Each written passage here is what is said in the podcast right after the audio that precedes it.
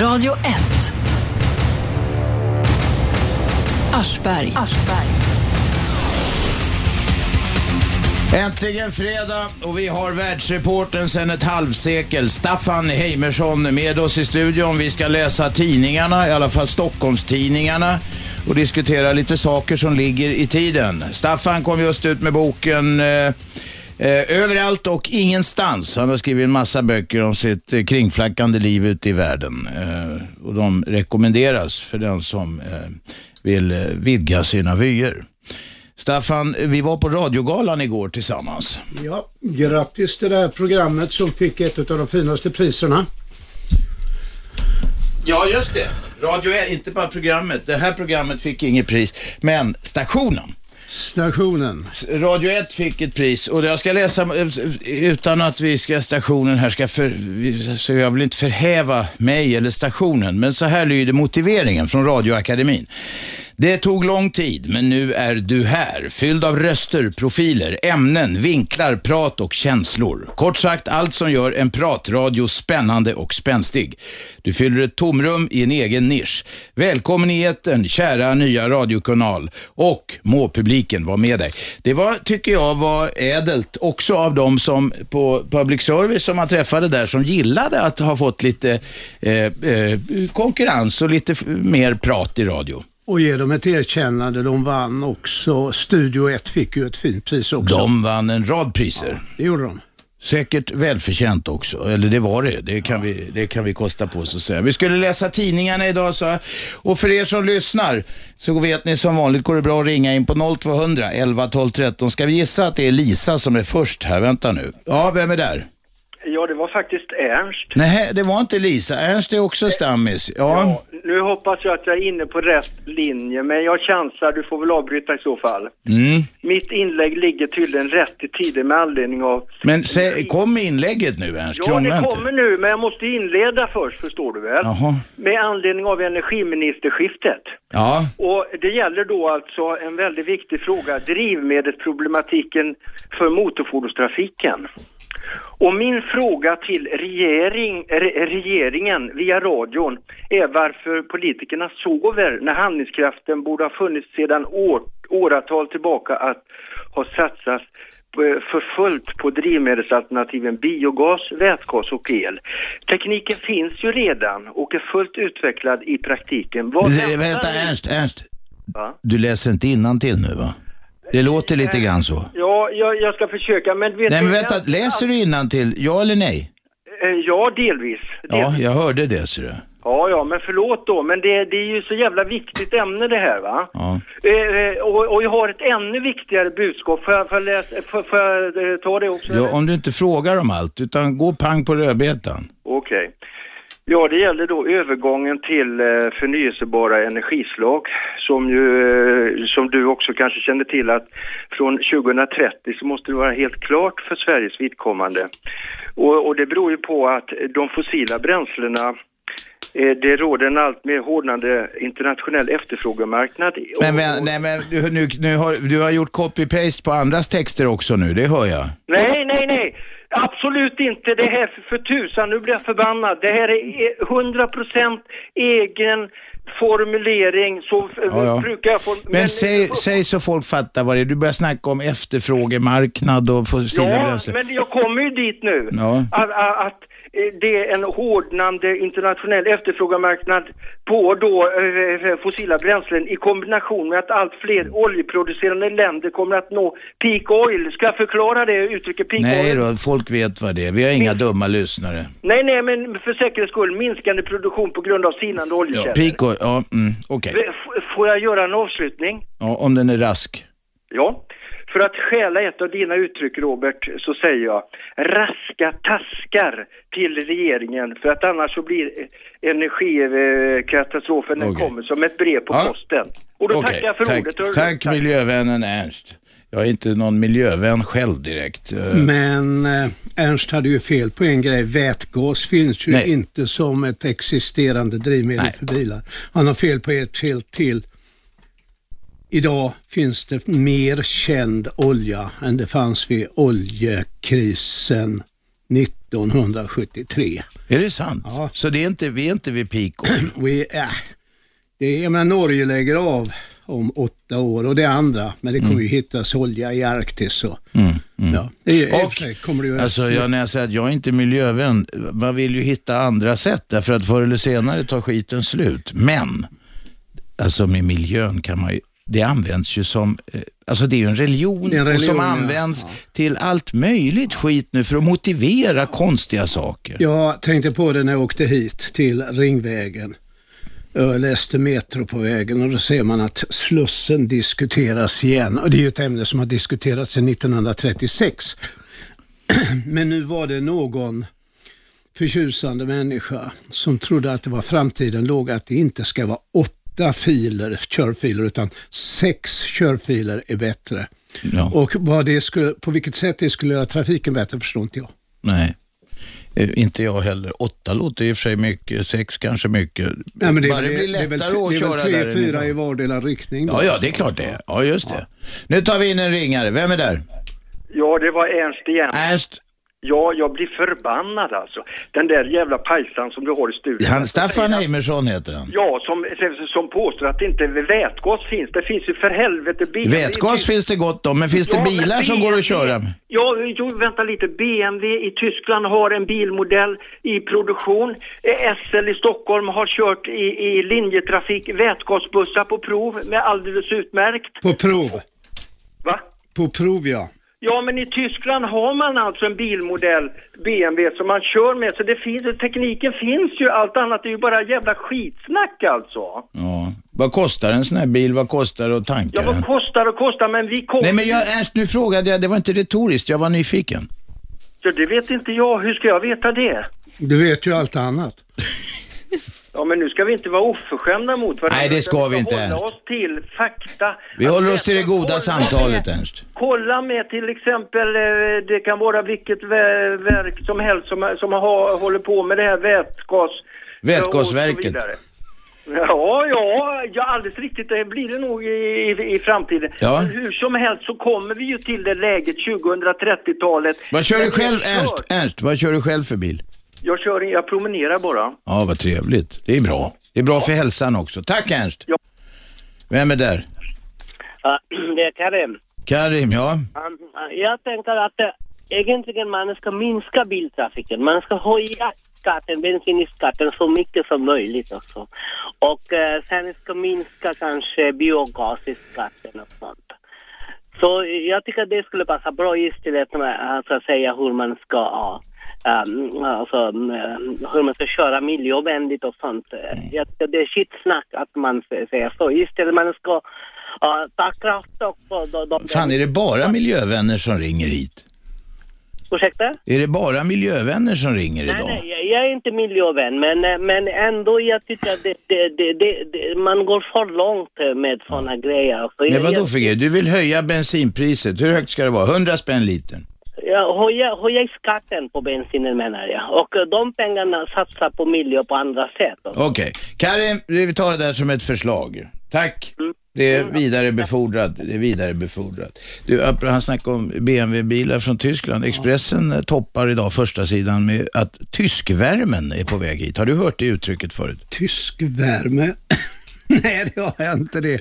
Jag tror att det där är någonting som redigerarna på de två kvällstidningarna tävlar i.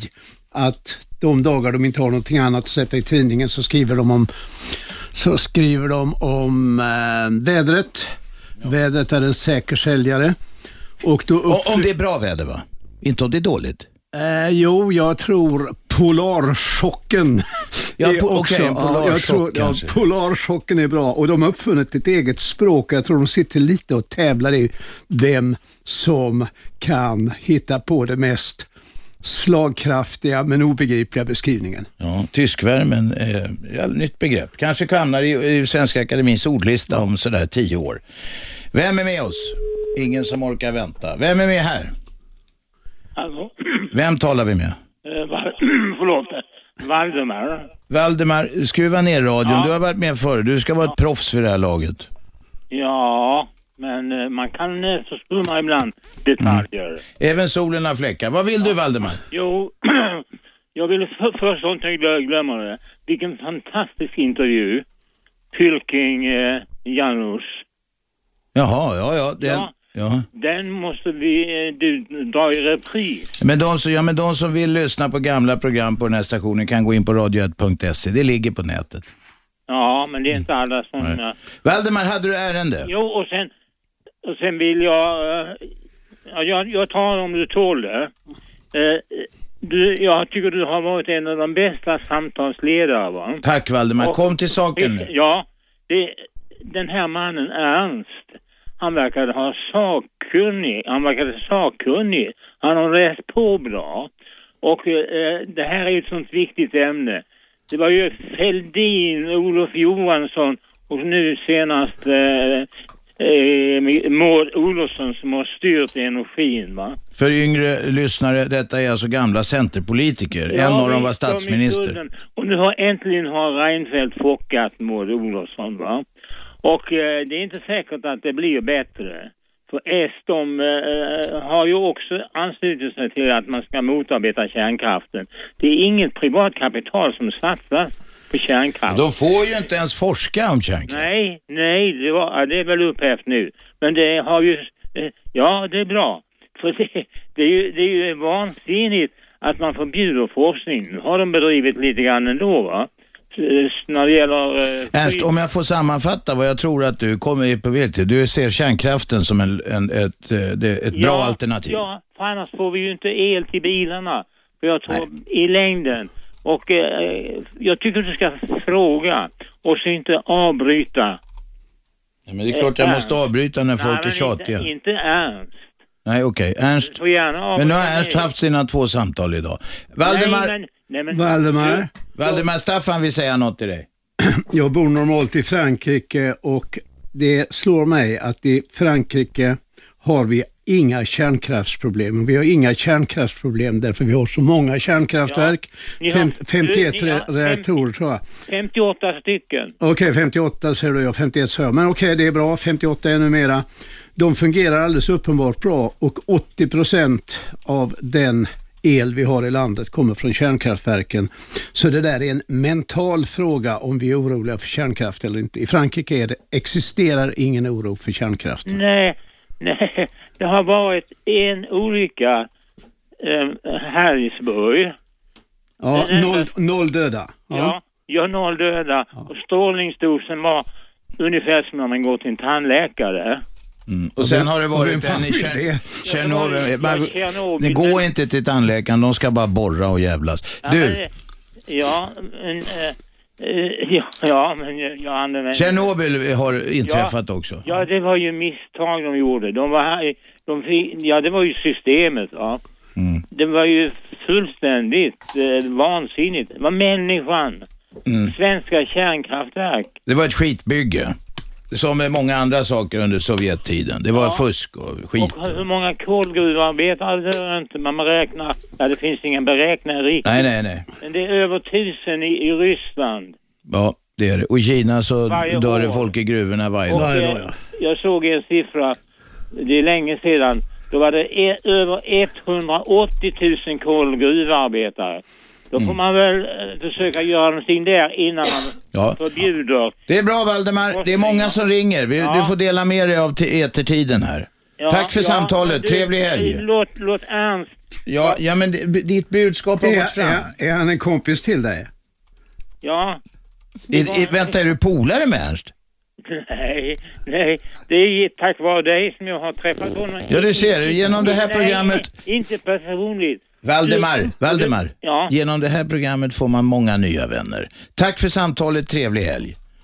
Ja, va- Valdemar, både Ernst och Valdemar är envisa, men envishet är en dygd, så att vi ska inte klanka på den. Det ska vi absolut inte göra. Hollywoodfrun Gunilla Persson, du som då är utlandssvensk, du, du, nu läser du ju mycket tidningar och så här hela tiden, men Hollywood- Hollywoodfrun Gunilla Persson har varit en jättesnackis eh, senaste dagarna här för att hon pinar sin unge eh, pina sin unge då eh, i, Hollywood, i programmet Hollywoodfruar i TV3 för ungen ska med på någon sån här sångtävling och kräks och är nervös och påstår hon har, säger att hon har blåskatarr och mamman hänvisar till Jesus och vad det nu är och så vidare. Eh, Hollywoodfrun Gunilla Persson skriver idag och klankar på äldrevården och skriver i Aftonbladet för egen penna. Eh, eh har, har stormen, tror du, mot Gunilla Persson eh, varit alldeles för kraftig? Nej, det är svårbedömt för mig som nästan för att ha dechiffrering för att förstå nöjessidorna i Expressen och Aftonbladet. Men möjligen talar hon i en tid då i Amerika förs en debatt om pressa barnen hårdare. Det kom ju med en amerikansk kinesiskas bok om, jag tror den heter The Tiger Ladies eh, någonting, om vi låter barnen slippa undan för lätt, pressa dem hårdare till stora prestationer i framtiden. Jag kan tänka mig att Gunilla Persson Ehm, är inte ett offer men inspirerad av eh, denna del. Jag tycker, när, eftersom jag såg det där avsnittet, att hon borde ha en smäll på käften för att behandla ungen. Å andra sidan så är det ju så att det finns ju inte en unge i Kina som inte pinas ännu hårdare. Det, det Åtminstone inte i medelklassen. Det är, en, eh, det är en gammal regel. Kommer någon ihåg den fine Uno Myggan Eriksson som ja, kunde, allt om, kunde allt om cirkus och varieté. Jag frågade en gång Myggan, du hur fan kommer det sig att kineserna kan göra sådana fantastiska trick på cirkus? De tränar. Ja. Och eh, ja, men, men fantastiskt hur många de kan få fram.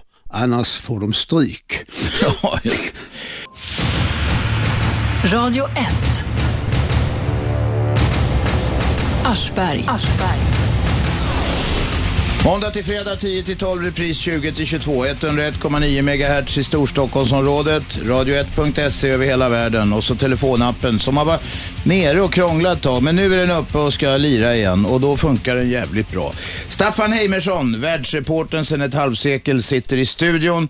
Han har dessutom nyligen eh, för den bokintresserade kommit med verket Överallt och ingenstans där han eh, refererar en del av sånt som händer utanför Sverige huvudsakligen.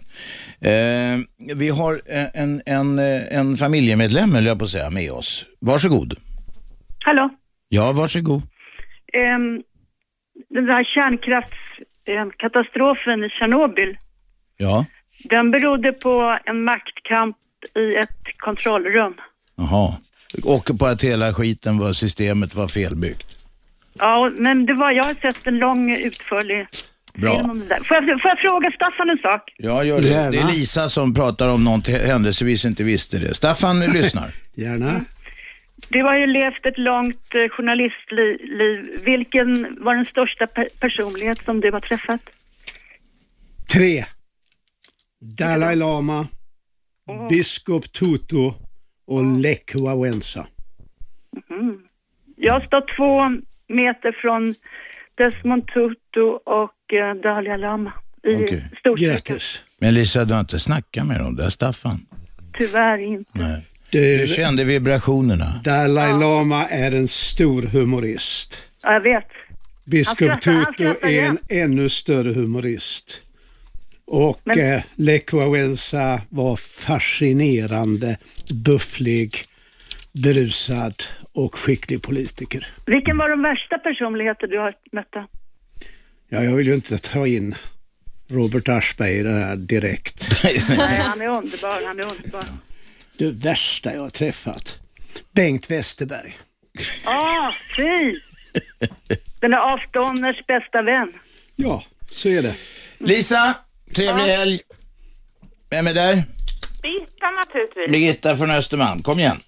Grattis till priset. Ja, Radio 1 pris. Det var vänligt. Och då ska jag säga en sak. Att faktiskt Lisa, även om jag vill hålla en lite kort ibland, och du och Ingegärd och andra... andra eh... Ja, det vi skulle varit delaktiga Ja, men det är ni. Ni ska ta åt er lite grann. Historielennart också, Ernst, ja. Valdemar, ja. Karim, Roman. Ja. Vilka är andra stamringare? Shabbe, kommer du ja, ihåg? Ernst och... Ni fick väl med de flesta, tycker jag. Jag fick med de, de som verkligen eh, håller stilen. Ja, eller ja. hur? Birgitta... Du, jag ska, nej vänta lite här nu. Ja. Det, var någon som pratade om det här med att, att han hade massa åsikter om det här med bränsle och allt vad det var. Ernst var det, ja. Fast han bara promenerade. Ja. Vet du vad tanterna på Östermalm säger när det går för dem? Vet att den där, ja, nej, ska jag säga då, ja. Jag tror det promenera för mig. Jag vet. Och den har du kört förut, i våras någon gång. Du ser, jag, alltså, könsvitsar lägger jag alltid på minnet. Birgitta, var det något annat? Nej. Bra, tack för idag. Vem är där? Ingen som orkar vänta. Vem är här? Matte. Matte, kom igen. Kul att ha röstat över till Staffan Heimersson. Det är en välkänd röst som jag har hört. Jag är 46 år gammal och det är väl ända som barnsben. Faktiskt. Det är en av rösterna man inte tar miste på. Tack snälla. Eh, Du frågade om, vet du, det är redan frågat om kända personer, men då har jag väl en annan fråga till. Mest omskakande händelser då, som du har varit med om? Du har ju varit med om massor. Ja, omskakande. Har varit en massa krig och de är ju omskakande både i princip och stundtals i praktik. Eh, å andra sidan, en reporter skall nog vara fascinerad av att det är lite hett om öronen ibland. Mest omskakande, jag kan inte påminna mig det från krig. Ehm, jo, eh, naturkatastrofer, de är ju så jävla tjatiga bara det. Första dagen skriver man om katastrofen och nästa dag skriver man varför gör världen ingenting och så gör världen något och så gör världen någonting så att det, det, det blir alltid tjatigt. Eh, Omformulera då. Förlåt? Omfor- Får jag omformulera lite Ja. så jag kom på? I och med att du nämnde Lech Wałęsa nämligen. ja, Var du på plats? jag var på plats. Eh, jag var på plats den dagen Lech Wałęsa fick det underskrivet utan den eh, polske biträdande premiärministern kom till Gdansk, skrev under ett avtal med fackföreningarna. Det, det där höll ju ett år. Sedan slog general Jaruzelski till och så sydde de in Lech Wałęsa. Men eh, jag var lite ivrig där så att när Lech Wałęsa gjorde ärevarvet på Leninvarvet så hoppade han på en truck, en sån här gaffeltruck, sånt som Robban gillar ute på landet. Mm, mm, en fin och så maskin säkert. Kör, kör, körde han där va. Och eh, jag tänkte, jag hoppade på bak och stod där och var med på ärevarvet.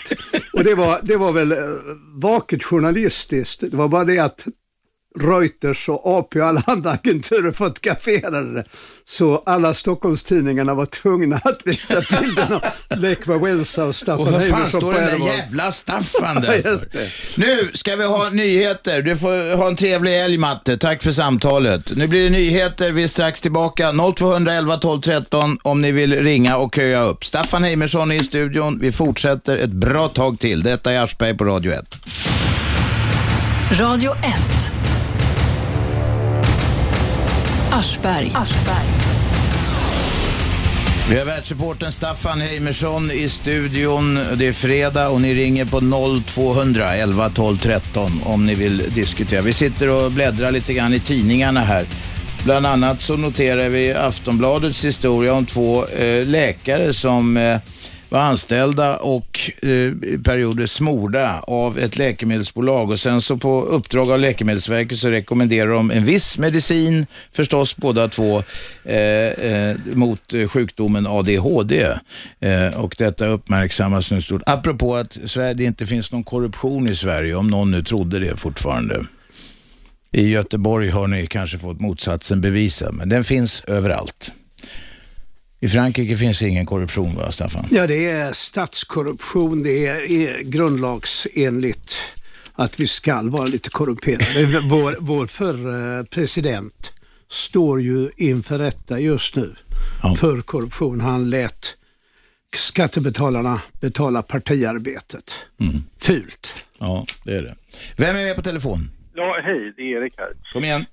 Jag har hört att lokala löpsedlar, hur fungerar det med sånt egentligen? Jag har hört att det har väldigt lite betydelse på hur många tidningar som säljs. Vi skickar frågan till tidningsmannen. Ja, du, mina erfarenhet är gammal från den tiden då löpsedlar betydde mycket. De gör inte det längre. Det är första sidorna som möjligtvis säljer tidningar. Eh, lokala löpsedlar som man ser. Här är de 50 rikaste i Ljusdal. Och då har man jävlar i fi- dammsugit mycket. Eh, säljer nog och man ska veta det att för tidningarna är varje sålt exemplar viktigt. När jag var redaktionschef i Skåne för Aftonbladet, detta är nu 70-talet, så gjorde jag på måndagarna gjorde jag alltid en löpsedel som jag skickade till alla delar med, med underförstått att den var lokal. Det var fotbollen. Och då stod det bara hjältarna, skurkarna, eftersnacket. och då tror man att man fick veta allt och det fick man också. Och det sålde. Men då ska man veta, om du sålde 33 exemplar i Eslöv, då hade du tredubblat upplagan, så det är viktigt. Det är trender som är viktiga alltså. Mm. Att vänja folk. Södermalm brukar ju stå om Hammarby och någon har gjort mål och sådär. Det känns ju ganska smalt. Ja, men det gör nog inte det. det gammal, gammal grundregel är idrott säljer, men bara när det är seger, aldrig när det är förlust. Ja, just det. Det är därför de är så styva. De på Radiosporten är så härliga eftersom Sverige har framgångar. Ja, men alltid. Va, va, jag som är en idiot på sport, vad va, vad menar du? Jag förstår inte samma. Vad är det radiosporten gör? Ja, Radiosporten på P4, de är ju väldigt hyllade. De är väldigt, alla gillar ju att lyssna på dem. Men för att de ska leva vidare och vara bra, eller liksom ha framgång, så är det ju bra om Sverige vinner guld i OS och vinner brons i fotboll. Ja, de vill bara se de glada sakerna som händer. Ja, men det är väl det man minns själv. Det är inte så roligt när någon refererar när det går åt helvete varje gång. Det krävs lite framgång för att de ska vara Ja, framgångsrika. du har alldeles rätt. Ja. Erik, Ja, var det något mer? Ja, när det är fredag så här, får jag fråga en rolig historia då också? Ja, just det, nu kommer jag ihåg. Det är Erik som brukar komma med roliga, så kallade roliga skämt. Ja. Ni, har ju bo- ni har ju båda varit ute och rest väldigt mycket, men jag har hört talas om att det finns ett land där de spelar fotboll med mat. Har ni hört det också? Nej, inte vad jag vet. Så nej. Det finns Ragu, du tänker inte på någon sån här spansk tomatkrig eller något sånt där? Nej, Nicka Ragua. Jaha, jaha. Jaha, just det. Ännu ett, ett roligt skämt som vi och lägger det till. finns ju en gammal ishockeyvits Jaha, som är så här att eh, vi fick stryk mot Tjeckoslovakien i hockey därför det kom en tjeckoslovak. Det blev ingen is kvar. Ja, den var jävligt bra. Ja, den var ja, rolig. vi kanske ska överlåta de roliga skämten till det här, vad heter det, Comedy Central som kommer i eftermiddag på den här stationen. Nu gjorde du mig ledsen när du just. Nej men du får ringa till dem. Du får Ja, ringa till dem. Det, det, de, det, där blir det, vad heter det, jublande fanor och klingande spel. Jag frågar ju om löpsedlar också. Ja, det gjorde du. Det är bra. Tack Erik. 0211 12 13. Staffan Eimersson, eh, världsreportern eh, s- sedan ett halvt sekel, sitter i studion och vi bläddrar i tidningarna. Göran Hägglund skriver en debattartikel idag. Är det DN? Eller var det Svenskan? Nu ser jag inte riktigt. Jag har rört ihop tidningarna här. Men eh, han slåss för sin överlevnad.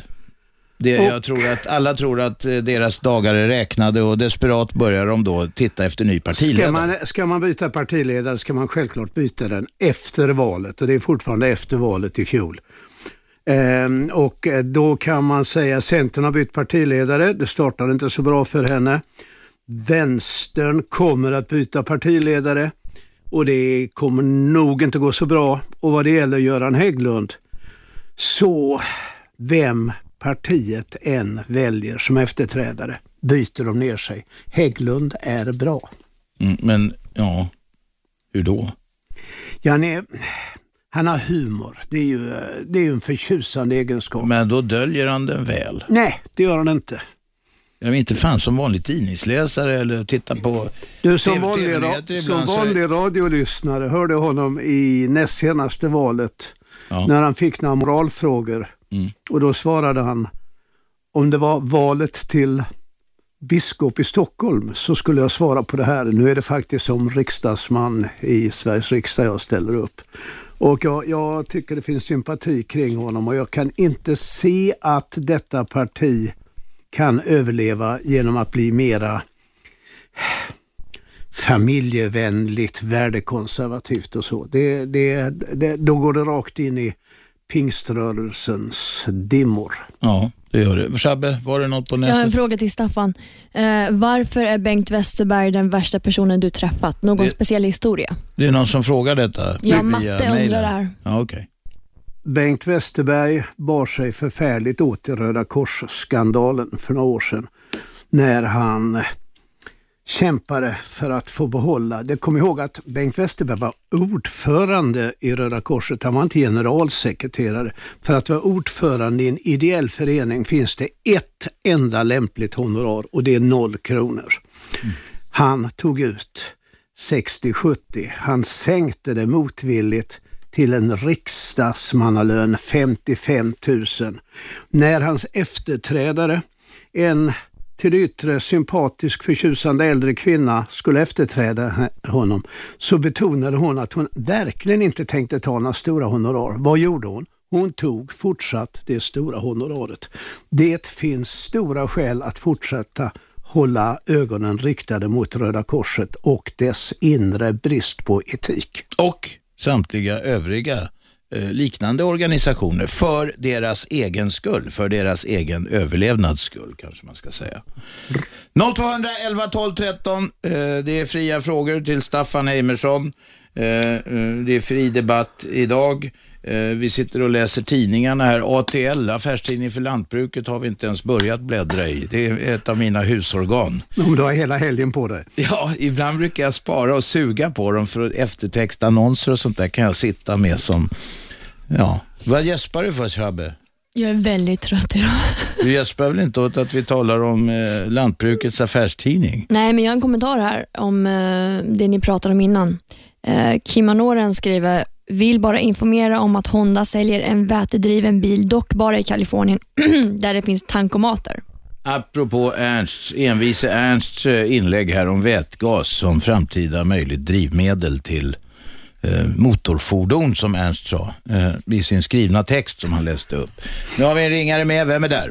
Ja, det är Ingegärd. Ingegärd. Och jag blir så glad och mitt självförtroende ökar när jag hör att, att han journalisten tycker Staffan. att Göran Hägglund är bra. Jag kommer inte ihåg det jag sa om honom förut. Nej, det kommer jag inte ihåg. Upprepa. Ja, jag sa det att han är en stor humorist. Precis samma orden sa jag som han säger.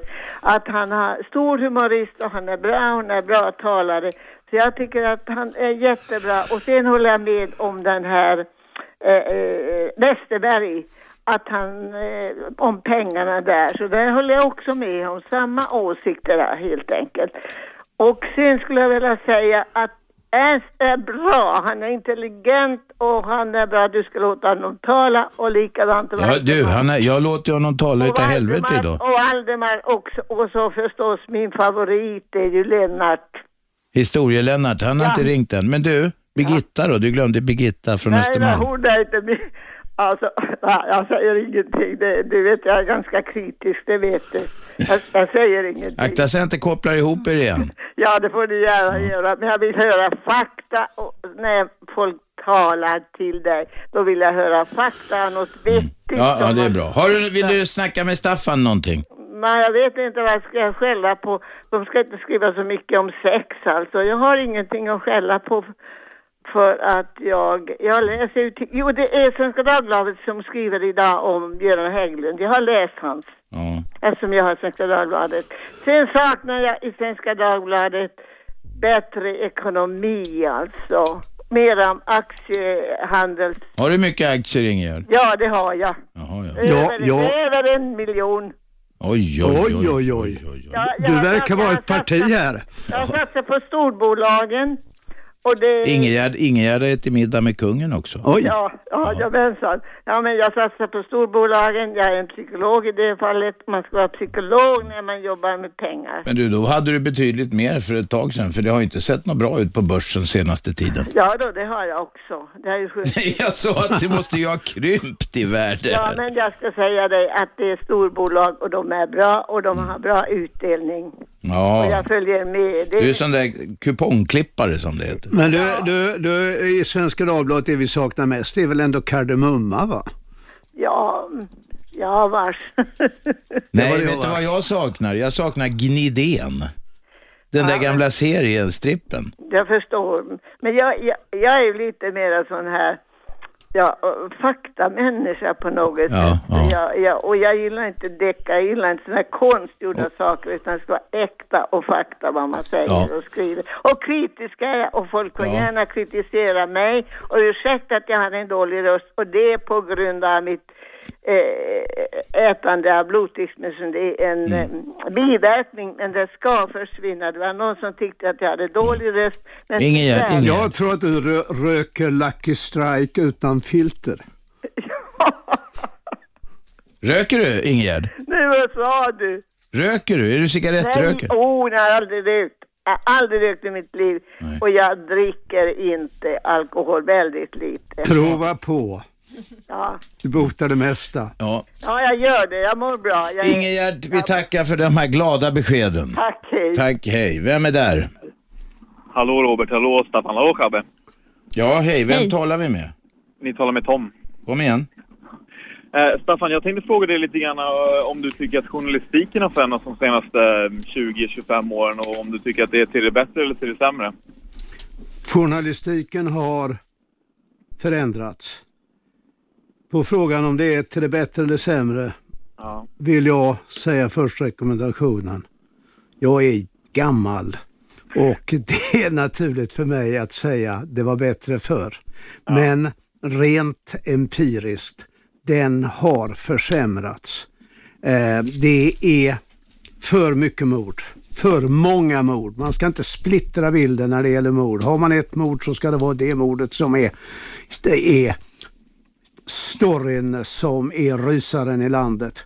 Det är i mitt tycke, men det är mitt special ointresse. Det är alldeles för mycket sexualundervisning i de här tidningarna. Det gäller ju även morgontidningarna. Det, det är för bekymmersorienterat. Ja. Men eh, detta är en gammal och inte alltför cynisk eh, människa som säger det. Men det var bättre förr. Tycker du att, eh, jag känner på något sätt, nu är jag, nu är jag ganska ung liksom, jag intresserar mig rätt mycket i journalistiken. Eh, jag ty tycker att det har förändrats liksom vilka, vilka typer av personer det är som blir journalister. Min egen magkänsla är lite grann att förr i tiden så var det så var att journalist, då var, det var liksom ett, något form av livskall nästintill. I alla, I alla fall en last. Ja. En, en, en lustfylld last. Lustfylld last som ackompanjerades av eh, skamligt leverne och eh, befrämjade möjligtvis eh, en viss eh, kreativitet. Men det där sista är, ska man vara försiktig med. Ja. Det känns lite grann som nu, jag vet inte om du stäm- stämmer in, men det känns lite grann som att det har blivit lite hippt att vara journalist nu. Att man ska stå och dricka drinkar och bara flasha liksom. Ja, ja de, är, de är naturligtvis duktigare än någonsin och mer allmänbildade än någonsin. Och de kan googla det de inte vet kan man googla fram på 0,5 sekunder. Ja. Men eh, eh, möjligtvis har en del charm försvunnit. Ja. Ja. Tom, eh, är du yrkesverksam eller? Nej, det är jag inte. Utan mer intresserad av ämnet? Jag är väldigt intresserad av ämnet. Eh, Och då tänker du inte bara på de där som står vid baren och flashar med eh, flotta drinkar och vad det var? Nej, det, det, det tycker jag inte är, är särskilt positivt för journalistiken generellt sett. Okej. Bra! Ja, ni får en trevlig helg hörni. Tack detsamma, hej då. Vem är där? Ja, det är Karim igen. Ja, okej. Göran Hägglund, jag, jag har lite kommentarer. Jag, jag, jag, jag ser honom ofta på TV och jag tycker att han är en jättesympatisk människa. Men enda fel är att han är, ledare för en religiös parti. Och religionen skapar alltså stora problem i hela världen. Så alltså, eh, angående Göran Hägglund och Carola. Carola är också mycket bra tycker jag som människa. Men eh, de båda har, har svagheten är de, de tillhör någon, alltså de, jag tycker de fanatiska, alltså Du, får, du Karim, man kanske kan avkristna dem på något vis. ursäkta? Det kanske går att avkristna dem på något sätt. Uh, nej, jag, jag menar att religionen, alltså inte bara kristna religioner, alla. Alltså, Nej, men i, det, i just det här fallet så råkar det vara den religionen som de är anslutna eller tror på. Ja, just det. Men eh, jag, jag skiljer inte mellan, mellan Khomeini och Göran Hägglund eh, eller som, som eh, alla andra religiösa uh, ledarna faktiskt. Du, Karim, nu sammanfattar jag för vi ska ha reklam. Relio- Du anser att religionen är ett elände, men Göran Hägglund är en trevlig prick. Ja, ja, Bra. Carola också. Tack ska du ha och Carola är en trevlig prick också. Tack för det. Nu tar vi reklam. 0211 12 13. Ni får köa upp, köa upp Peter, under pausen. Det här är Aschberg på Radio 1. Radio 1. Aschberg. Måndag till fredag 10 till 12, repris 20 till 22. 101,9 MHz i Storstockholm, det är ungefär upp till Norrtälje och lika långt söderut. Annars går det bra att lyssna via nätet också, radio1.se. Och på telefonappen som är pigg och kry igen efter en korttidssjukdom. Eh, Staffan Heimersson, världsreportern sedan 50 år, sitter i studion eh, och vi har med oss en person på telefon. Hallå? En fråga till... Förlåt, en gång till. Eh, nu, nu, nu, jag hade glömt någon jävla knapp här. Kom igen, vem talar vi med? Det är Valdemar, hör jag. Ja, ja. Jag vill eh, fråga om eh, hur han tror att DNs nya... Dagens Nyheters eh, så kallade omgörning, eh, så är det det du frågar om, Valdemar? Ja, jag tycker det är en katastrof. Jaha, men det tycker må många människor alltid när man ändrar något i tidningar. Ja. Men vi ställer frågan till Staffan. Sen, du, sen, Men nej, nej, Valdemar, en sak i taget. Nu frågar du om Dagens Nyheters nya look. Varsågod Staffan. Dagens Nyheter behövde en ny look. Stockholm behöver mera lokalnyheter. Jag har, som bara är gäst i Stockholm ett par gånger om året, jag har gjort iakttagelsen att jag med stor glädje läser de som heter Östermalmsnytt och Mitt i Östermalm och vad de heter. Och att lokalnyheterna står där ofta väldigt mycket bättre än i de två mor- stora morgontidningarna. Jag tror att Dagens Nyheter har gjort en genomtänkt omgörning men den är lite för artificiell. Det är för lite vardagliga smånyheter. Men det kan de ändra på och bli bättre. Lycka till till dem. ja. Ja, fick- Valdemar, fick du fick svar. svar. ja, jag har samlat eh, 50 stycken urklipp och synpunkter. Man kan ju börja med att sätta sidnumret, vilken nummer det är på sidan. Det är nog bara en eh, tillfällig En- miss. En millimeter, nej, jag har väntat på att de skulle ändra på det innan jag ringer upp dem. E- Efter det här programmet kommer de att ändra. Ja, Ja, nej, ja. När Radio 1 lite- griper in, du ja, vet. Jo, men det är inte... Och sedan, jag kan ta ett äh, aktuellt exempel. Äh, Maria Larsson, va? Ungdoms och barnmin, äh, äldreministern, ja. som fick vända sig i barn... Hon fick göra en 180-gradare, ja. Och nu får hon vända en gång till, va? Hon nästan försvarade nu att det bara skulle vara till 1980. Ja, det där var lite krångligt. Jag läste faktiskt om det senast i morse här. Ja, ja, Eh, ja, ja. hon, hon, de, fick ju, de fick ju göra en pudel, gå tillbaka och eh, med all rätt då betala pengar till dem som fram. Men sen säger de att det här gäller ju bara fram till 1980 för det var utredningen det det handlade om. Ja, de övriga, vä- vänta tag, det gällde bara de preskriberade fallen. De andra har då rätt att eh, kräva, men det är möjligt att de kommer få backa lite grann på det där också. Vill du ha reda på nästa? Nästa Eh, vad då? Eh, Ja, där de får vända. Det är eh, restaurangmomsen. Nej, det tror jag inte de vänder på. Inte under den här De, eh, i regeringsperioden. fin, Finland. De Mm. fick in en liten struntsumma. Mm. Och vilka är det som äter på restauranger? Alla människor. Nej, ja de äter på uh, kineskrogar va, där hela familjen jobbar va. Eh, Ja, men det är ju krogar. Och eh, ja, det fanns massor med förr, det finns väl fortfarande kvar. Men du, de äter på de dyra restaurangerna va? Vä- Vänta ett tag, vänta ett tag. Var bor du någonstans Valdemar?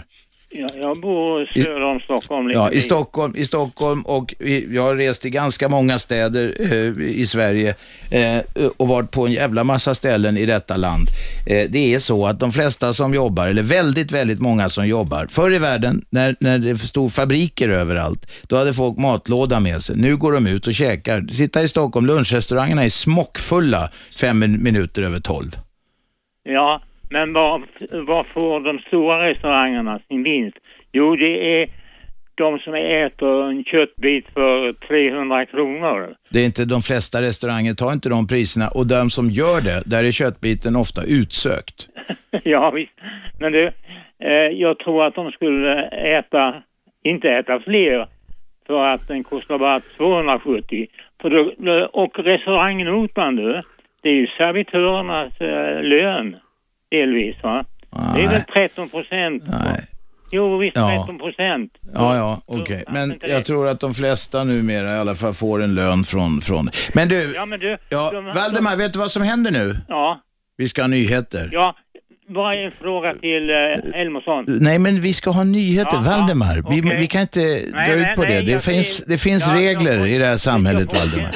Av att vi inte är ute i nätet va. Mm. Jag skulle vilja... Valdemar, jag kommer fimpa dig om vi inte gör ett snyggt Ja, ja, avslut. ja, vi ska ha men- nyheter. Ja, då fimpar jag mig själv för jag vill inte bli fimpad. Jag trodde att det var bara vi som störde Det tog en jävla lång tid att fimpa sig själv. Valdemar, trevlig helg!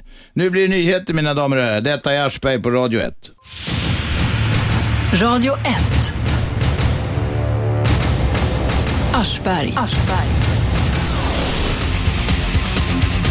Det är jag det. Och ni kan höra mig och gäster varje vardag 10 till 12 på eh, Stockholm, eh, Sveriges nya pratradio. Idag är Staffan Heimersson gäst i studion. Han är världsreporter eh, sedan 50 år om någon till händelsevis hade kunnat undgå detta. Och vi diskuterar allt möjligt. Shabbe, eh, just, jag ska en liten utvikning, förlåt Staffan. Det är många lyssnare som kräver en bild på Shabbe. De, de eh, har krävt det länge och jag har faktiskt lovat det, men Shabbe är en aning fåfäng ibland och det vågar jag säga nu när hon är ute i något ärende och inte i studion. Det är ju livsfarligt att kommentera flickors utseende. Ja. Eh, hon är ung, hon är söt, hon ser lätt exotisk ut som man kan förstå av namnet. Hon är en, med mycket gammaldags uttryck, hon är en pingla. En kalaspingla? Kalaspingla. Och jag tror att... En eh, suckerpingla? Ja, jag tror att eh, hemsidan skulle må mycket bra av lite mindre Aschberg, lite mera Chabbe. Ja, men det kommer mer Shabbe och det var det jag skulle komma till. Eh, problemet är att Shabbe eh, har, det finns ett, någonstans ett stänk av fåfänga där, så att idag får vi inte ta en bild på henne. Eh, utan hon ska göra sig i ordning för denna bild. Men kom ihåg nu kära lyssnare, att den som väntar på något gott väntar aldrig för länge. Vi har en ringare med oss, det är Tom. Kom igen Hallå, Tom. ja. Hallå. Ja? Jag skulle, jag skulle jättegärna vilja höra vad både du Robert och du Staffan tycker, tror om eh, utvecklingen som händer nere i, Mellanöstern just nu. Vi börjar Eh, med Staffan. Ja, bara för någon dag sedan så, eh, till exempel så är vi inne på Youtube, jag vet inte hur, det rapporteras i media, men så gick ju, vad heter han, ledaren för Muslimska brödraskapet nere i Egypten ut och sa att alla sionister, ja, då menat judar, som beträder egyptisk mark ska utplånas. Eh, och ja, det som håller på att hända nere i Syrien och sådär. Ja, en liten kommentar på det, vad ni tror. kommentar, kommentar. Ja, eller Arab, kommentar, ja. arabiska våren är fortfarande hoppingivande, men varning. Eh, Tunisien var inte så gräsligt som det framfördes under de revolutionens dagar. De har nyval och det kommer bli ett bättre land men det kommer inte bli markant stor skillnad. Eh, Egypten går in i en kritisk tid. Därför där är förväntningarna störst. De är flest och de är viktigast. Men det kan bli lätt besvikelse där. Eh, Syrien, viktigt och där går det sakta, sannolikt lite framåt. Ljuspunkten säger jag, och det är lite kontroversiellt, det är Libyen. Jag tror nämligen det blir större frihet och bättre självkänsla när man har fått marinera sin frihetskänsla lite i blod. Alltså att kampen har gjort dem bättre. Eh, I stort sett är riktningen bra, men vänta er inte underverk. Mm. Vad tycker du då Robert? Har du någon kommentar? Nej, jag, jag är inte lika påläst som Staffan är, men eh, jag håller nog med det lilla jag vet om, om eh, det mesta han säger. Det som möjligen man kan säga har varit Eh, som har bättrats, det är rapporteringen om, om de här libyska rebellernas rätt grova övergrepp, eh, vilket tyvärr är en följd. Det finns, eh, det finns väldigt få vita riddare i den här sortens konflikter, när det, när det blir väpnade konflikter. Tror ni inte att det finns risk i och med att det har gått väldigt snabbt som den har gjort? Jag menar, det har varit förtryck där nere och det har varit diktatorer som har lett till ja, majoriteten av länderna nere. Tror ni inte att det finns risk att när det blir en sån extremt snabb förändring att man inte riktigt vet hur man ska hantera det och att det finns vissa grupper där som... Ja, Ja, men det är bättre, det är bättre än att ha kvar blodiga diktaturer. ja. Men det är klart att det är svajigt. Ett, ett land som inte har haft demokrati och, och, och försöka hitta en styrelseform som är någorlunda demokratisk och eh, slippa eh, att allting stoppas upp av en, eh, att, det, att allting genomsyras av en annan sorts eh, korruption bara och så. Det är svårt. Ja. Ja, eh, jag, är- jag, jag är väldigt insatt i det här. Jag kollar väldigt mycket på det. Jag tror att det finns en risk, liksom, till exempel nere i Egypten då. Eh, de har ju, ja, nu kommer jag inte ihåg vad han, eh, vad han heter. Men du, Eh, det, om jag minns rätt så var det här brödraskapet, de höll sig eh, markant moderata eh, eh, ganska länge och sa till och med att de inte ens skulle ställa upp i val och så vidare. Ja. Problemet är ju det att de har ju, under den tiden liksom när, när det var en diktatur nere i Egypten så har ju de inte tillåtit särskilt mycket utan några, någon opposition. Däremot så har ju ja, det muslimska brödraskapet som är ganska radikala, eh, ja, de har ju kunnat organisera sig själva i och med att ja, det är ju en, det är en religiös organisation som inte har varit förbjuden. Liksom. Ja, ja, av det jag Jo, den skall inte vara förbjuden. Nej, ab- absolut inte. Det, det säger jag inte heller. Men jag menar, jag menar bara på att i och med att de har kunnat haft, ja, breda ut sina, sina nätverk på det sättet att de, ja, de kan ju kliva in som en organisation som redan har en färdiggjord struktur och alltihopa. Liksom att det finns risk att de kan komma och ta för mycket plats och makt där nere.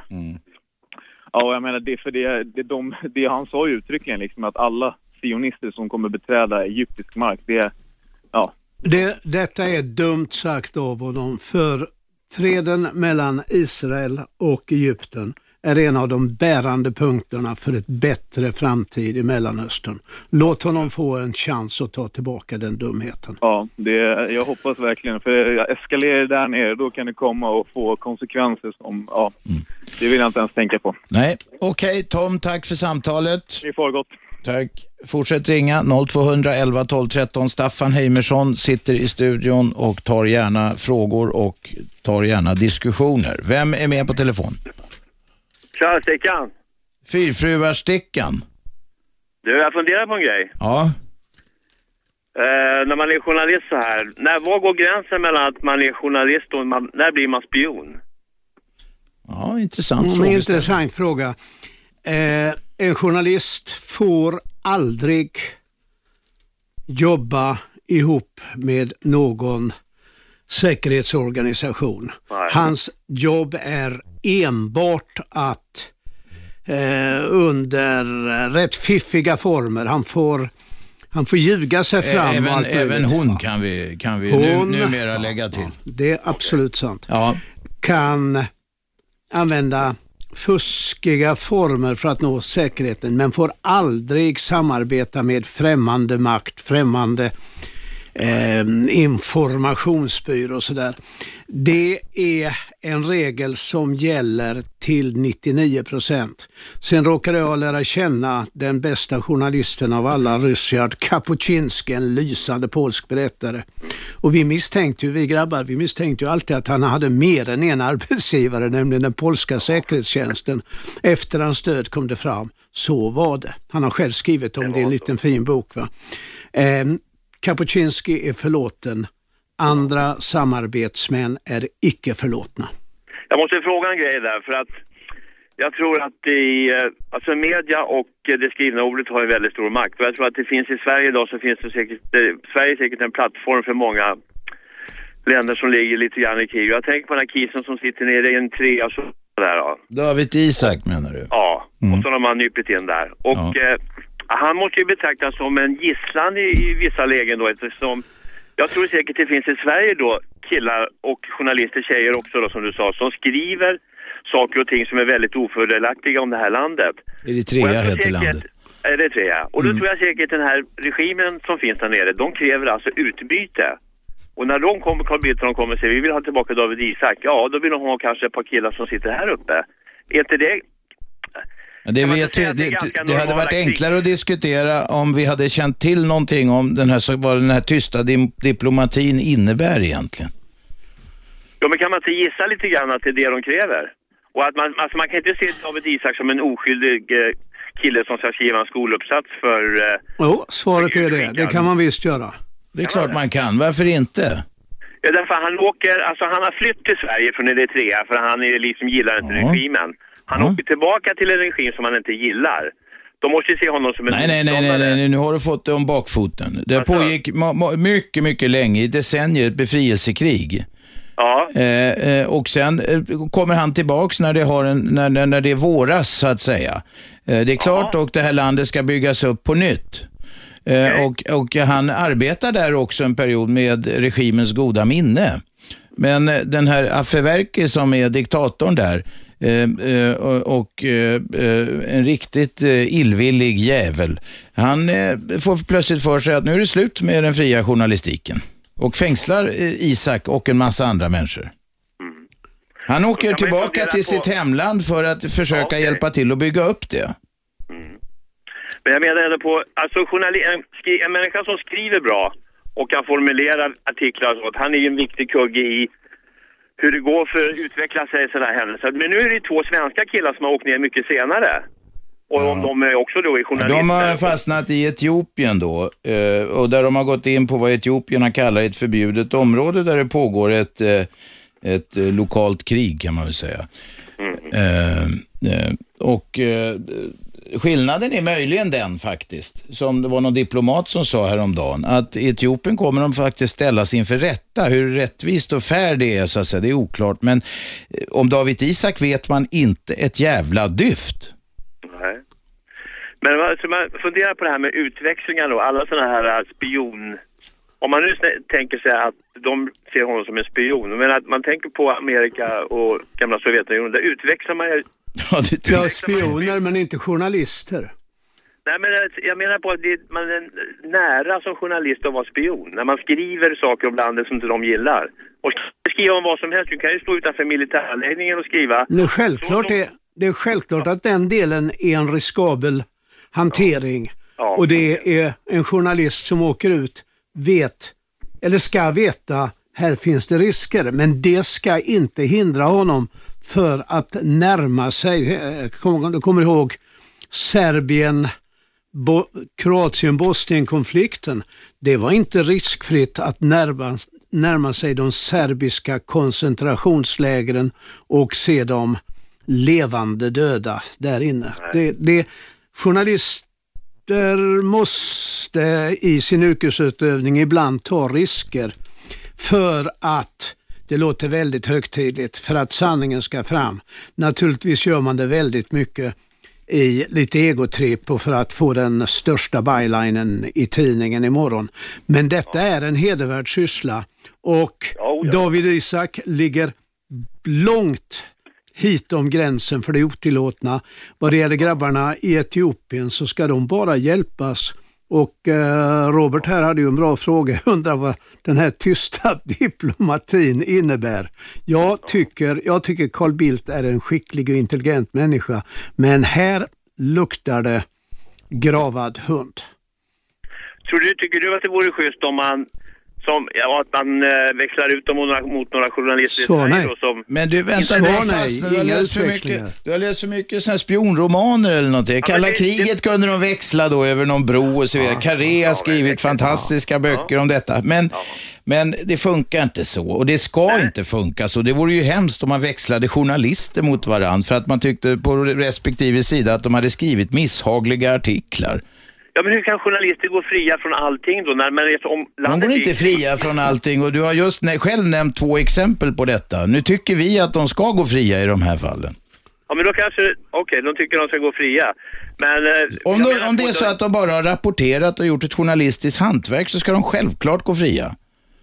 Ja, men Robert, journalisters hantverk. Ja, du kan ju skriva om vad som helst. Jag ser inte att de har gjort det. journalister är ett jävla pack kan jag ju lägga Nej, till. nej, det nej, finns nej, många nej, som är gör ren skit. Men med det sagt så är principen ska stå fast. Principen är att du kan skriva ner vad som helst. Du kan skriva ner ett land och du kan skriva saker. Och principen är också att andra journalister kan skriva något annat så att de som vill veta vad som händer har mycket att välja på. Det är det som är poängen.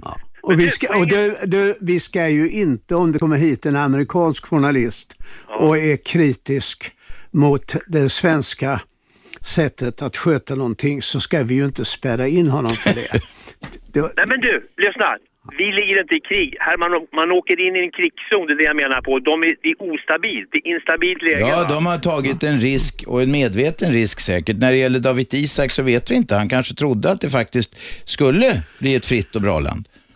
Du, Ja, men vet du vad? Jag vill bara säga, sista saken. Jag tror att de kräver att det finns människor i Sverige som de vill utveckla. Jag Ja, det är en Jag, teori. jag tror inte det, men den får du ta upp med Det Carl Bildt. det får vara din egen teori. Vi, jag tror att det är så Och den är, och den är motbjudande. Ja, det är så enkelt att den här Affe Werki är en klassisk diktatorsbeteende, det är ingenting annat. Nu måste vi ha reklamstickan, innan vi, bara jättekort utvikning. Hur är det med de fyra fruarna? Ja, det är mysigt. Okej. Du, du tar alltid upp det där. Ja, Men, det, eh, det var du som skröt om det i början. Ja, Ja, men det var ett helt annat program. ja, ja okej. Ha en trevlig helg Stickan. Detsamma. Hälsa kärringarna, hej. Nu tar vi lite reklam, eh, strax tillbaka. Detta är Aschberg i Radio 1. Radio 1. Aschberg. Måndag, tisdag, onsdag, torsdag, fredag 10 till 12. Då ska ni lyssna på den här stationen som heter Radio 1 och på mig, jag heter Aschberg och på de gäster som vi har här varenda dag. Nej, ibland kör vi faktiskt eh, fri åkning för herrar och damer som får ringa En dag i in. veckan. Ja, en dag i veckan. Det kan bli fler. Men ibland har vi gäster, då ska ni lyssna på dem. Staffan Heimersson är här idag. Eh, och eh, eh, det, eh, Staffan, om någon eh, nytillkommen lyssnare händelsevis inte vet det, är världsreporter. Mest verksam på Aftonbladet, han han är också författare och så vidare, men rapporterat från hela världen i eh, ett halvt sekel ungefär. Eh, nu tar vi in en ringare. Vem är där? Vem är där? Karin. Nej, vänta ett tag. Nu kommer jag ihåg. Det var ju Lisa. Håll inte på att fejka namn här nu. Sä, säg vad du vill Lisa. Jag ska fråga Staffan en sak. Gör det. Vad tycker du om Tarek Ramadan? Vem är det? Känner du inte till honom? Han har blivit utnämnd av The Times till en av världens största tänkare. Han, hans farfar var, han eh, Bra. uppfann Muslimska Bra, brödraskapet. bra. Jag, Då vet du vem det är. jag vet vem det är. Jag har läst en del av vad han har skrivit. Klok, klokt tänkande filosofisk man. Är inte expert på detta och eh, är mycket försiktig med att uttala mig kategoriskt i några frågor som har med islam Ja, det känns lite. och nej, alltså jag är ju för religionsfrihet. Mina egna relationer med Gud är obefintliga, men jag är för all form av religionsfrihet. Jag är stark motståndare till tarvlig islamofobi, men, vill, in, men vill inte diskutera de här frågorna i sak. Jag kan inte tillräckligt mycket. Tarek Ramadan är vän med mig på Facebook. Tackar jag, jag, får, Lisa. jag får skriva på hans sida, men han skriver aldrig på min. Nej. Nähä du. Och så skickar jag mitt bästa fotografi till hans sida, då spärrar han mig, så jag får inte skicka något mer. Oj, oj. Du, det där, tjejer är känsliga för fotografier. Ja, du vet, det, alltså om en- del, eh, eh, en del muslimer gillar inte fotografier och de gillar inte eh, men bilder på tjejer speciellt. Nej, men han är inte någon Nej, nej. rabiat. Bra, men du, du får kämpa vidare och försöka få mer kontakt med honom på Ja, Facebook. jag skulle gärna Tack, vilja ha kontakt med honom. det är bra. Om han lyssnar så kommer han säkert eh, kontakta dig. Tack Lisa. Vem är där? Nähä, men här då? Vem är där? Det är Martin. Martin, tala till oss. Ja, jag undrar vad, vad Jag lyckades. journalisten frågar, ja, eh, tycker om eh, Vilks uttalande och allt det här. Vilks uttalande. Du menar Lars Vilks, konstnären som gjorde de så kallade eh, någon slags eh, nidbilder på profeten Mohammed och sen har haft polisskydd sedan länge och utsatts för något eh, eh, ganska amatörmässigt terrordåd men har fått utstå en jävla massa hot. Staffan får frågan. Och frågan är, repetera den för mig. Alltså, alltså vad, vad tycker vi om Vilks uttalande? Och det var väl det som du får, du får specificera. Vilket eller vilka av hans uttalanden? Nej, Jag menar överhuvudtaget det här första med ron, eh, rondellhunden. Att han eh, ja, kliver lite på islam. Eh, och, och det finns ju de som har tagit till sig illa vid det. Ja. men du, man, man, ett. Yttrandefriheten är okränkbar. Den konstnärliga friheten är okränkbar. Men sen har vi människor, vi är utrustade med någon form av förnuft eller medkänsla och sånt där. Det kanske inte är så kul att såra så många på en gång. Nu gör han det och han gör det medvetet och har rätt att göra det. Eh, och skall naturligtvis skyddas av oss andra. Det är viktigare än att falla undan. Ja. Vad tycker du själv? Nej, jag tycker det är svårt. Eh, I och med att, som du sa, han, han gör det säkert medvetet. Du, om du kan någonting om Vilks så vet du att han har skändat Jesus Kristus, Maria och alla de andra. Han har skändat alla religionerna. Det är en mänsklighet att få, rä, mänsklig rättighet att få göra. Skydda Vilks, viktigt. Okej. Nu vet du vad du ska tycka Martin. Här kan man ju tycka att om man gör det och har yttrandefrihet och skriva och skriftfrihet, då borde man ju, då kom, det kostar ju skattebetalarna pengar att skydda honom. Ja, det gör det. det demokrati kan vara dyrt, men eh, det lönar sig i längden. Ja. Okej, trevlig helg Martin. Vem är där? Hallå? Erik heter jag. Jag ringer ifrån västkusten och ringer via data här så det kanske hörs lite dåligt. Ja, det, men det är ändå, du ringer via datamaskinen. Det funkar eh, läsbart i alla fall. Kom igen. Hej! Jo, jag skulle vilja... Hejsan Staffan förresten. Hej. Jag undrar lite grann hur du ser på det här med hur saker och propo- hur proportioner tas när olika delar av världen drabbas av saker och ting. Och eh, konkret så tänker jag så här. Eh, vi vet eh, hur, ja, om vi säger nu eh, det här som hände här i USA här nu, den 9-11 och i förhållande till hur man ser på den händelsen och sen se till till exempel det som hände i samband med den här utrotningen som skedde till exempel av olika folkgrupper i Jugoslavien. Eh, och sen ta tredje exempel det som hände i Afrika här för en tid sedan. En del Är det Darfur du tänker på eller till exempel? och Eller Rwanda? Rwanda tänker jag mest på. Hur otroligt olika vi ser på de här, de här händelserna i katastrofsynpunkt. Visst är det hemskt det som har hänt i USA, men det är ju fan som är bara en droppe i havet av allt elände som andra delar av världen har drabbats av.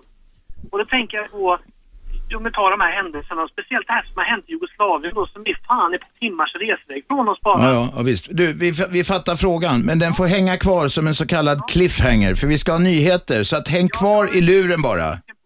Absolut. Häng kvar bara så kommer Staffan att börja svara på den frågan. Det här är Aschberg på Radio 1. Radio 1. Aschberg. Måndag, tisdag, onsdag, torsdag, fredag 10 till 12. Som vanligt Staffan Heimersson sitter med oss i studion eh, och tar lyssnarnas frågor.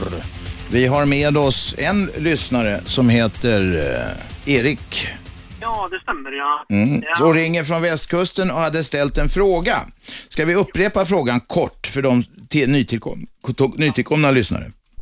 Ja, alltså jag vill bara poängtera att det handlar inte om att mäta människors grader av helvete utan det handlar mer om hur media och hur allmänheten ser på Ja, du menar att, man, att det blir ett enormt eh, intresse för eh, de terrorattacken eh, attacken, eh, 9 september där i USA jämfört med övriga folkmord och allt möjligt eller vad det är. Det är ungefär så var frågan. Ja, det är helt riktigt. Då låter vi Staffan ta den.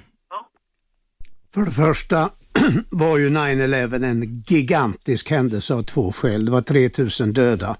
Det var två fina hus som rasade. Det var ett paradigmskifte i världspolitiken. Kan inte överdrivas. Ointresset för vissa förfärligheter beror på att de är krångliga, har svårt att få genomslagskraft. Det är det som journalister ska göra värderingarna. De ska göra två värderingar. Den första värderingen är vad är läsare per definition intresserade av? Och där gäller regeln All news is local. Alla nyheter är lokalanknutna. Ju närmare någonting händer, ju större är det. Vi är mera intresserade av Annie Lööf än utav det, det gröna partiets partisekreterare i Västtyskland, eller Tyskland. Eh, den andra grejen är, en del grejer är så snåriga så att vi fattar dem inte. Jag tror det gäller Darfur hade ingen genomslagskraft och det var för frågan var väldigt snårig. Det fanns inte någon gubbe att hänga upp det på som gjorde den mänsklig. Eh, jag har följt mycket en fråga som heter Kashmirfrågan. Den har pågått sedan 1947 mellan Pakistan och Indien. Och eftersom det inte finns en gubbe som du tycker om eller tycker förfärligt illa om så blir den frågan aldrig någon riktig genomslagskraft. Iran, ett förtjusande land med förfärliga ledare, har en väldig genomslagskraft i debatten därför det förknippas med den otäcke Khomeini. Är jag klar? Ja, nej men då tänker jag så här, som du säger då, local. Jugoslavien till exempel. Det, Mm. det, det, det är ganska lokalt kan det kännas som. Och jag tycker att okej, den är lite krånglig att förstå i och för sig. Men det var väldigt, jag bara erinrar nu, eh, utan ansträngning erinrar mig att det var väldigt mycket rapportering i, i svenska medier. Om tycker du det om Jugoslavien? Ja, det var det faktiskt. Ja, jag var där i tre år. Och det, hela konflikten var det det. Jag var där hela tiden och följde den fram till Dayton ett halvår till. Jag tyckte vi rapporterade rätt bra. Det var tre komponenter i den plus vår lokalkomponent, den höge representanten Carl Bildt. Det fanns alltid rapportering från Jugoslavien, det forna Jugoslavien. Men du hade andra exempel där din tes stämmer, ja. Ja, men det kanske det ligger nog mycket i det när du säger att det, det vill svara mycket. Jag tror att det snarare är att för min egen del, jag har haft svårt att förstå den här fantastiskt hemska händelsen och vad som egentligen det utmynnade i, hur det startade och varför det slutade så illa som det gjorde. Det, det har du alldeles rätt i, för det är en mycket krånglig, komplicerad historia. Man måste veta och man måste för sig själv erkänna, serber och kroater har aldrig tyckt om varandra. Men det, du, det finns en annan gammal, finns en annan gammal regel också som, eh, som fa faktiskt tillämpas eh, på nyhetsredaktioner, eh, medvetet eller omedvetet, i alla fall i praktiken. Och det var det, samma sak som Staffan sa, all news is local, men man kan formulera den så här också, nämligen att intresset avtar med kvadraten på avståndet. Ganska rätt. Men mindre rätt idag än det var förr i tiden. Jag brukade under mina år i Jugoslavien brukar jag gå tillbaka och tala om Bulgarienkriget som eh, var början till andra, eh, första världskriget. Det var 1913 ungefär. Och det var ju inte ens notisvärde i den tidens Dagens Nyheter. Sen är det en annan sak med den här 9-11 att det, vi såg åtminstone det andra huset rasa i direktsänd tv på CNN. Eh, och Det betyder att det är lättare att identifiera sig med det därför att det finns möjligheter till rapportering än det gör från ett ställe som är eh, eh, mediamässigt sett en avkrok, nämligen Darfur, där det inte har eh, såna här eh, eh, uppkoppling till satellit-tv och en massa bilar och redaktioner och grejer från början. Men okej, det, det- det gäller just den här händelsen. Om man då, om man då kanske använder sig av andra händelser som även har hänt då, inte just bara den här extrema. Min känsla är ändå att det alltid är så att när just USA drabbas av olycka så är det alltid, alltid värre för dem än någon annan drabbas av det, åtminstone utåt sett. Håller inte med. Jag, Jag- jag tycker i all enkelhet att svenskar markerar sin ovilja mot Amerika. Jag säger alltid Amerika, sen till USA. Jag säger inte DDR, jag säger inte USSR och sånt där. Förkortningar är alltid fel. Eh, Amerika utsätts för en eh, skadeglad, skadeglad inställning från många svenskar. Jag tycker inte om den. Nej, det tror jag håller jag. Det låter ju bisarrt om det ska vara så. Utan eh, för mig handlar det mer om proportioner på hur det, ser, hur det presenteras helt enkelt. Va? Och sen har jag absolut ingen värdering. Som jag sa inledde med att säga att det finns faktiskt, alla har samma grad. Du, du kan ju säga då att kanske, eller jag, jag sätter inte detta ord i munnen på det, men du kan ju testa det på dig själv. Fick Oslo, Utöja, Breivik för stort, breda ut sig för mycket i, i de goda tidningarna Aftonbladet och Expressen eh, på någon annans bekostnad. Skulle vi ha dragit ner på bevakningen av Oslo, Utöja, Breivik för att få in lite mera Darfur? Jag vet att ditt svar är detsamma som mitt. Självklart inte. Nej, men det är sant. Absolut. Men det är ändå intressant att lyfta frågan tycker jag. Och Ja, det har du, och det har du gjort. Och du har gjort det är en intressant diskussion. Många lyssnare kommer att fundera vidare på detta. Tack för samtalet. Hej. Vem är där? Uffe heter jag. Kom igen. Jo, jag tänkte kolla med, med Staffan här, för jag har ju lyssnat på dig många, många år när jag var liten och växte upp och så va. Och det, jag tycker det har varit många, väldigt många klockrena, klockrena grejer du har gjort under årens lopp. Alla.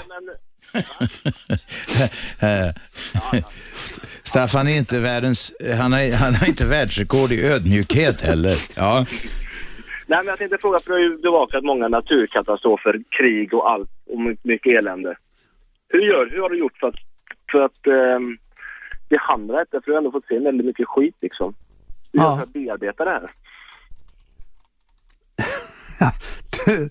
Det är intressant. Jag var, jag var i Oslo och uh, Utöja och tillbringade en vecka i Oslo. Och när jag gick för att skaffa mig ett visum till Azerbajdzjan och jag korsade rondellen i Karlaplan så ringer telefonen och då är det ett försäkringsbolag som ringer och erbjuder mig terapi. För du, det har ju gått igenom så förfärliga saker i Oslo. Och eh, jag avböjde naturligtvis och sa att det här är ju vad journalister skall vara med om. Jag har aldrig varit med om att en journalist värd sitt salt har återvänt från någon hemsk grej med behov av vård. Det där är eh, hjärtat bankar på lite fortare, pulsen, eh, pulsen känns i handlederna. Men det är den luft vi vill andas. Eh, inga, inga bekymmer med den delen. Ja, det är imponerande. För, mm, man, man, Men Uffe, Uffe, Uffe ja. jag får vrida frågan lite grann. Eh, eh, det finns säkert enstaka journalister som har mått jävligt illa efter att kanske rapportera från tsunamin där man eh, kliver över, över lik och så vidare. Men de flesta resonerar, tror jag, så Staffan. Å andra sidan finns det då någon slags föreställning i Sverige om att så fort någon har fått en fluga i ögat så ska det komma en präst med gitarr och prata med dem och sånt där va? Fattar du vad jag menar? Jajamän. Eh, eh, och det kanske gör nytta i vissa fall och det kanske är bra, men det finns, det finns en, en, en övertro eller en, en, det är nästan viktigare än akut sjukvård i vissa fall att det ska komma eh, eh, någon präst eller terapeut och prata med folk som har varit med om något obehagligt. Nej, för om jag får tro vad jag själv hade känt när jag till exempel har bevakat något krig, man ser en massa döda kroppar lite här och där, men jag tror jag känner mig ganska, vad ska man säga, hjälplös. Man, man känner man vill, man vill ju hjälpa till på något vänster va. Ja, men den ena känslan utesluter ju inte den andra. Det, det, är, det, finns, det finns inget försvar för att ha en vårdslös inställning till, till detta, men journalistik går ut på att skildra verkligheten och ju närmare verkligheten du är, ju bättre känner du din journalistiska samvete och därför mår du i allmänhet mm, bra när du är i, kritiska, i komplicerade kritiska situationer. Uffe, det är fler som ringer. Ja, tack så mycket. Tack, hej. Vem är där? Ja, hej Abdelmasih som tänker ställa en fråga till Staffan. Varsågod. Staffan, du sa att all news is local. Yes. If all news is local, sir, vi här i väst är extremt beroende av exportmarknader och händelser i utvärlden. Hur fan ska vi kunna klara det i så fall? Ja. Den som vill sälja något till långt bort i stan får väl ta och skaffa eh, sig litteratur och läsa på. Jag tror inte det här räcker. Vi behöver grundläggande kunskaper för kineser håller på att gå in mäktigt med Turkiet och arabvärlden i helt andra marknader. Du har fullkomligt rätt. Och jag kan nu retroaktivt bita av mig tungan för jag tog denna I, gamla... I didn't mean that, sir. I didn't mean that at all. Ja, men jag biter av mig tungan och säger jag borde inte sagt all news is local. Vilket är en bra gammal klyscha. Jag borde ha sagt så här. I en tid då vi lever mera globalt bör vi, du och jag och alla andra, bli mycket, mycket mera intresserade både av vad som händer i Kina och Turkiet och 192 länder till. Mm. Det är sant. Abdel, tack för samtalet. Bra. Tack. Hej. Staffan Heimersson sitter kvar i studion och oh, det är slutspurt nu i fredagens Aschberg. Så att eh, passa på och ring 0211 12 13. Detta är Aschberg på Radio 1. Radio 1. Aschberg. Det är slutspurt i fredagens Aschberg. Eh, Staffan Heimersson sitter i studion och eh, Shabbe, du har fått någon fråga via det så kallade internet. Ja. Eh, Henke vill veta om du har wallraffat någon gång. Har Staffan wallraffat någon gång? Eh, Babba, jag känner efter. Naturligtvis har jag gjort i mycket yngre år försök till sånt som kallas undersökande journalistik. Undersökande journalistik är nästan det viktigaste i vår bransch. Men jag har aldrig varit en stor undersökande journalist. Jag har mycket, mycket få riktigt stora nyheter knutna till min karriär. Jag har varit, vad har du varit istället Staffan, brukar folk fråga. Jag har varit en njutande reporter och eh, det har gett mig stor glädje att njuta istället för att gräva. Mm-hmm. Inte wallraffat i den meningen alltså att du har sminkat dig eller klätt ut dig för att komma in någonstans? Ja, det har jag gjort. Jag tog mig in på Malmö sjukhus genom att knycka en läkarrock för att intervjua en kille som hade trillat ner från en byggkran. Jag fick inte stort beröm för detta. Men du vet, det behöver man inte göra. Jag kom in på sjukhus genom att vara elegant klädd. Ja. Att alltid klä sig i kostym och slips, det, Ja, det, det, det är en bra- är bra. det är bra och sen regel. på sjukhus har man en stor, jag var- jag var stor 18 blombukett. Det är bara att gå rakt igenom allting. Jag var 18-19 år och såg ut som jag var 14. På väg in i puberteten och det var inte så väldigt lätt. Och jag tyckte jag gjorde min journalistiska plikt, ta reda på hur det har gått för den här byggarbetaren. Det tyckte inte sjukhuset och det tyckte inte tidningen Kvällsposten som jag då jobbade för. Nej. Det var snudd på sparken. Oj då. Ja. Nu har vi med oss Erik. Kom igen. Ja. Jag har också en fråga här nu undrar jag. Varför media mörkar ibland vilka som begår brott och sånt där? Varför man inte eh, hänger ut eh, folk med namn menar du? Ja, en namn behöver man inte göra med en bild och sånt där då. Ja, men det är väl samma sak. Uthängning som det heter. Ja, inte uthängning men du ser vilka som begår brott och sånt där. Anar jag att det finns någon följdfråga här? Är det, är det invandrargrejen du far efter eller? Nej, det, nej, men helt enkelt generellt varför man inte be- visar alla som begår brott helt enkelt. Ja, men du, har du åkt fast för någonting någon gång? Om jag åkt fast för någonting? Ja. Nej, inte alls. Inte en fortkörning, ingenting? Nej, Och äktenskapsbrott? nej, ingenting. Äsch, Du är vit du är som rätt snö. Du, det ointressant människa. Erik, jag ska säga, det finns två sorters människor. De som har torskat och de som inte har torskat. Ja visst, man har väl gjort busning i ungdomen. Jaha, tack. Då fick vi det. Du har, gjort, du har gjort något som i någon mening kan ha varit straffbart. I någon mening. Ja, det har det absolut säkert varit. Det håller jag inte undan med. Det har jag aldrig... Nej. Och då borde du ha hängts ut för detta.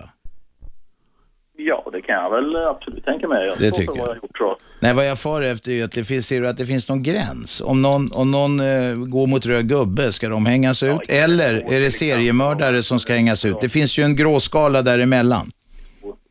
Men det, man får ju lite bonnevett, som sagt. Snusförnuft, jaha. Vad Det, säger Staffan? alltså svaret är ju enkelt. Vi har spelregler för pressen och där gäller det, gäller det att inte hänga ut. Det är grundregeln. Inte hänga ut. Undantag offentliga personer. Ehm, det finns invändningar mot det. Man, man, man, man, man sparkar på många genom att inte säga vem det är så är det många som blir utprickade. Radioprofilen, det finns väl 10 000 radiomänniskor som känner sig prickade i detta ögonblick. Men men jag tycker nog den här snygga, snygga behandlingen av icke dömda människor är bra och att vi inte hänger ut, som termen lyder, de som inte får höga straff. Svensk god sed. Ja, ja, det kan diskuteras. Men... Du vill hänga ut alla, Erik? Nej, inte alla, men vi kan ju ta till exempel som Breivik nu. Han blir ju uthängd på en Ja, gång. men eh, det var ju ett ex Ja, vänta. exceptionellt brott, va? Ja, Men sen hade vi ju även terrorattacken i Stockholm i vintras. Det tog ju tre, fyra dagar innan man fick reda på vem det var. Det beror nog på att där hade tidningarna hängt ut omedelbart. Det beror på att man inte visste säkert att det var rätt gubbe. Man måste få ju vara noga med vem man hänger ut. Ja, det tror jag inte riktigt på det där, men Du tror inte man ska vara noga? jo, det ska man. Men de visste nog vem det var redan. Nej, tidningarna visste inte vem det var. Det där var en grej som låg i Säpo. och Säpo höll tätt av flera skäl. Först ville man kolla hur det var med den här killen och hans nätverk. Den andra grejen, det kom så chockerande för dem att killen var från Tranås och inte från Norsborg. Dessutom så är det ju så att innan en viss undersökning på platsen är gjord så kan man ju inte veta om det är ett offer eller gärningsman. Man kan inte veta hundra. Det kan ha, även om han till och med hade ett bombbälte på sig kan det ha varit någon annan som utlöser det. Det kan vara eh, mycket mer komplicerat än det ser ut vid en första anblick. I Breiviks fall var det ganska tydligt, omedelbart. Han kom med ansiktet, han kunde omedelbart identifieras av flera av offren. Han hade skrivit ett eh, odrägligt långt manifest där, om hela sin planering och så. Det fanns inga tvivel. Däremot så letade ju polisen där också länge efter misstänkta medgärningsmän. Och hittills har de inte hittat några då. Erik? Man skulle hänga ut honom heller så. Va? Jag sa ingenting om när man skulle hänga ut honom. Det var jag fullt med på, absolut. Ja, ja. Okej, men du, det, det, din idé har framgått med önskvärd tydlighet. Du vill hänga ut flera. Tack för samtalet. Vem är med? Hallå? Hallå? Vem talar vi med? Eh, Du talar med Dragana. Dragan? Dragana. Dragana. Dragana, Dragana. Okej, välkommen in i stugvärmen. Kom till saken. Tack ska du ha. Eh, jo, jag hör att du har Staffan Heimersson som gäst. Ja. Och då vill jag fråga honom, har han alltid varit ärlig i sina krönikor och artiklar? Han suckar, han suckar lite-. Du, Dragarna. Ja. Ja, men om du frågar i kröniker, kolumner som det kallas på vårt branschspråk, så intar en kolumnist ibland en stridsposition eller medvetet en pajasposition för att kunna dra sin, dra sin argumentation i mål. Och att målet är att min läsare ska skratta eller bli upprörd. Är det någon speciell kolumn du tänker på, Dragarna? Eller tänker du på de, van- den vanliga nyhetsrapporteringen? Nej, nej, jag tänker på en speciell kolumn. Där Här- jag på sätt och vis vart själv omskriven. Dragarna. Och den var väldigt fel. Vänta, ni, ni, känner, ni har en relation här på något sätt? Nej, det har vi inte. Jo, jo, men att du har blivit omnämnd i ett sammanhang När är detta Dragarna? När är detta Dragarna? Jag hamnade i en grupp. Jag var inte omnämnd personligen vid namn och eh, som person så. Men jag var med, eh, ja, om jag ska dra kortfattat så var det en rättegång för en tiotal år sedan.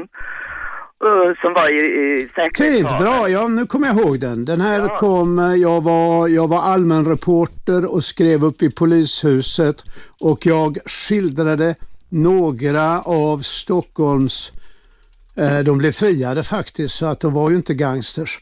Men eh, jag skildrade dig och några till som de vackra guldbehängda eh, som misstänkt brottslingsfruar eller fästmör. Jag gjorde det och jag gjorde det medvetet elakt och kanske var det dumt. Kanske ska jag be dem om ursäkt. Men det var rätt, god, eh, rätt gott språk och en rätt god skildring. Dragana, det var jättekul att du hör av dig. Ja, du har tydligen läst mitt mail som du inte svarat på. För det är därför du kommer ihåg det. Förlåt, är det, är, det, är, det, är det ett mejl du har skickat relativt nyligen? Jag kommer ihåg detta och detta ligger, detta är 2002 på tidig sommar. Absolut, absolut. Du kommer väl ihåg det. Det är bra, det är ett gott tecken. Men jag tycker att... Ja, vid min ålder är det ett jävla gott tecken att komma ihåg något. Dragarna, går det bra för dig i livet annars? Det går jättebra för mig i livet. Jag är inte kriminell och jag är inte brottsling. Vad bra. Vi gratulerar till detta eh, och önskar dig en riktigt trevlig helg. Nu är nämligen programmet slut. Tack för samtalet. Tack. Hej då. Vi är tillbaka på måndag morgon. Tack Staffan för att du förgyllde eh, dessa två timmar. Tack kära lyssnare för att ni var med oss. Alla ska ha en trevlig helg. Vad var det Shabbe? Har jag glömt Vi något? kommer att prata om X. Om? Föredettingar, ex. För, ja, ex alltså, eh, tidigare pojk och flickvänner eller fruar Mm, och män. Det är ämnet på måndag. Tack Shabbe för att du håller ordning på saker och ting. Nu har vi inte tid mer för nu kommer sportkillarna, slynglarna Lissol och Kindmark ska prata sport. Hej så länge, vi hörs på måndag. 101,9 Radio 1. Sveriges nya pratradio.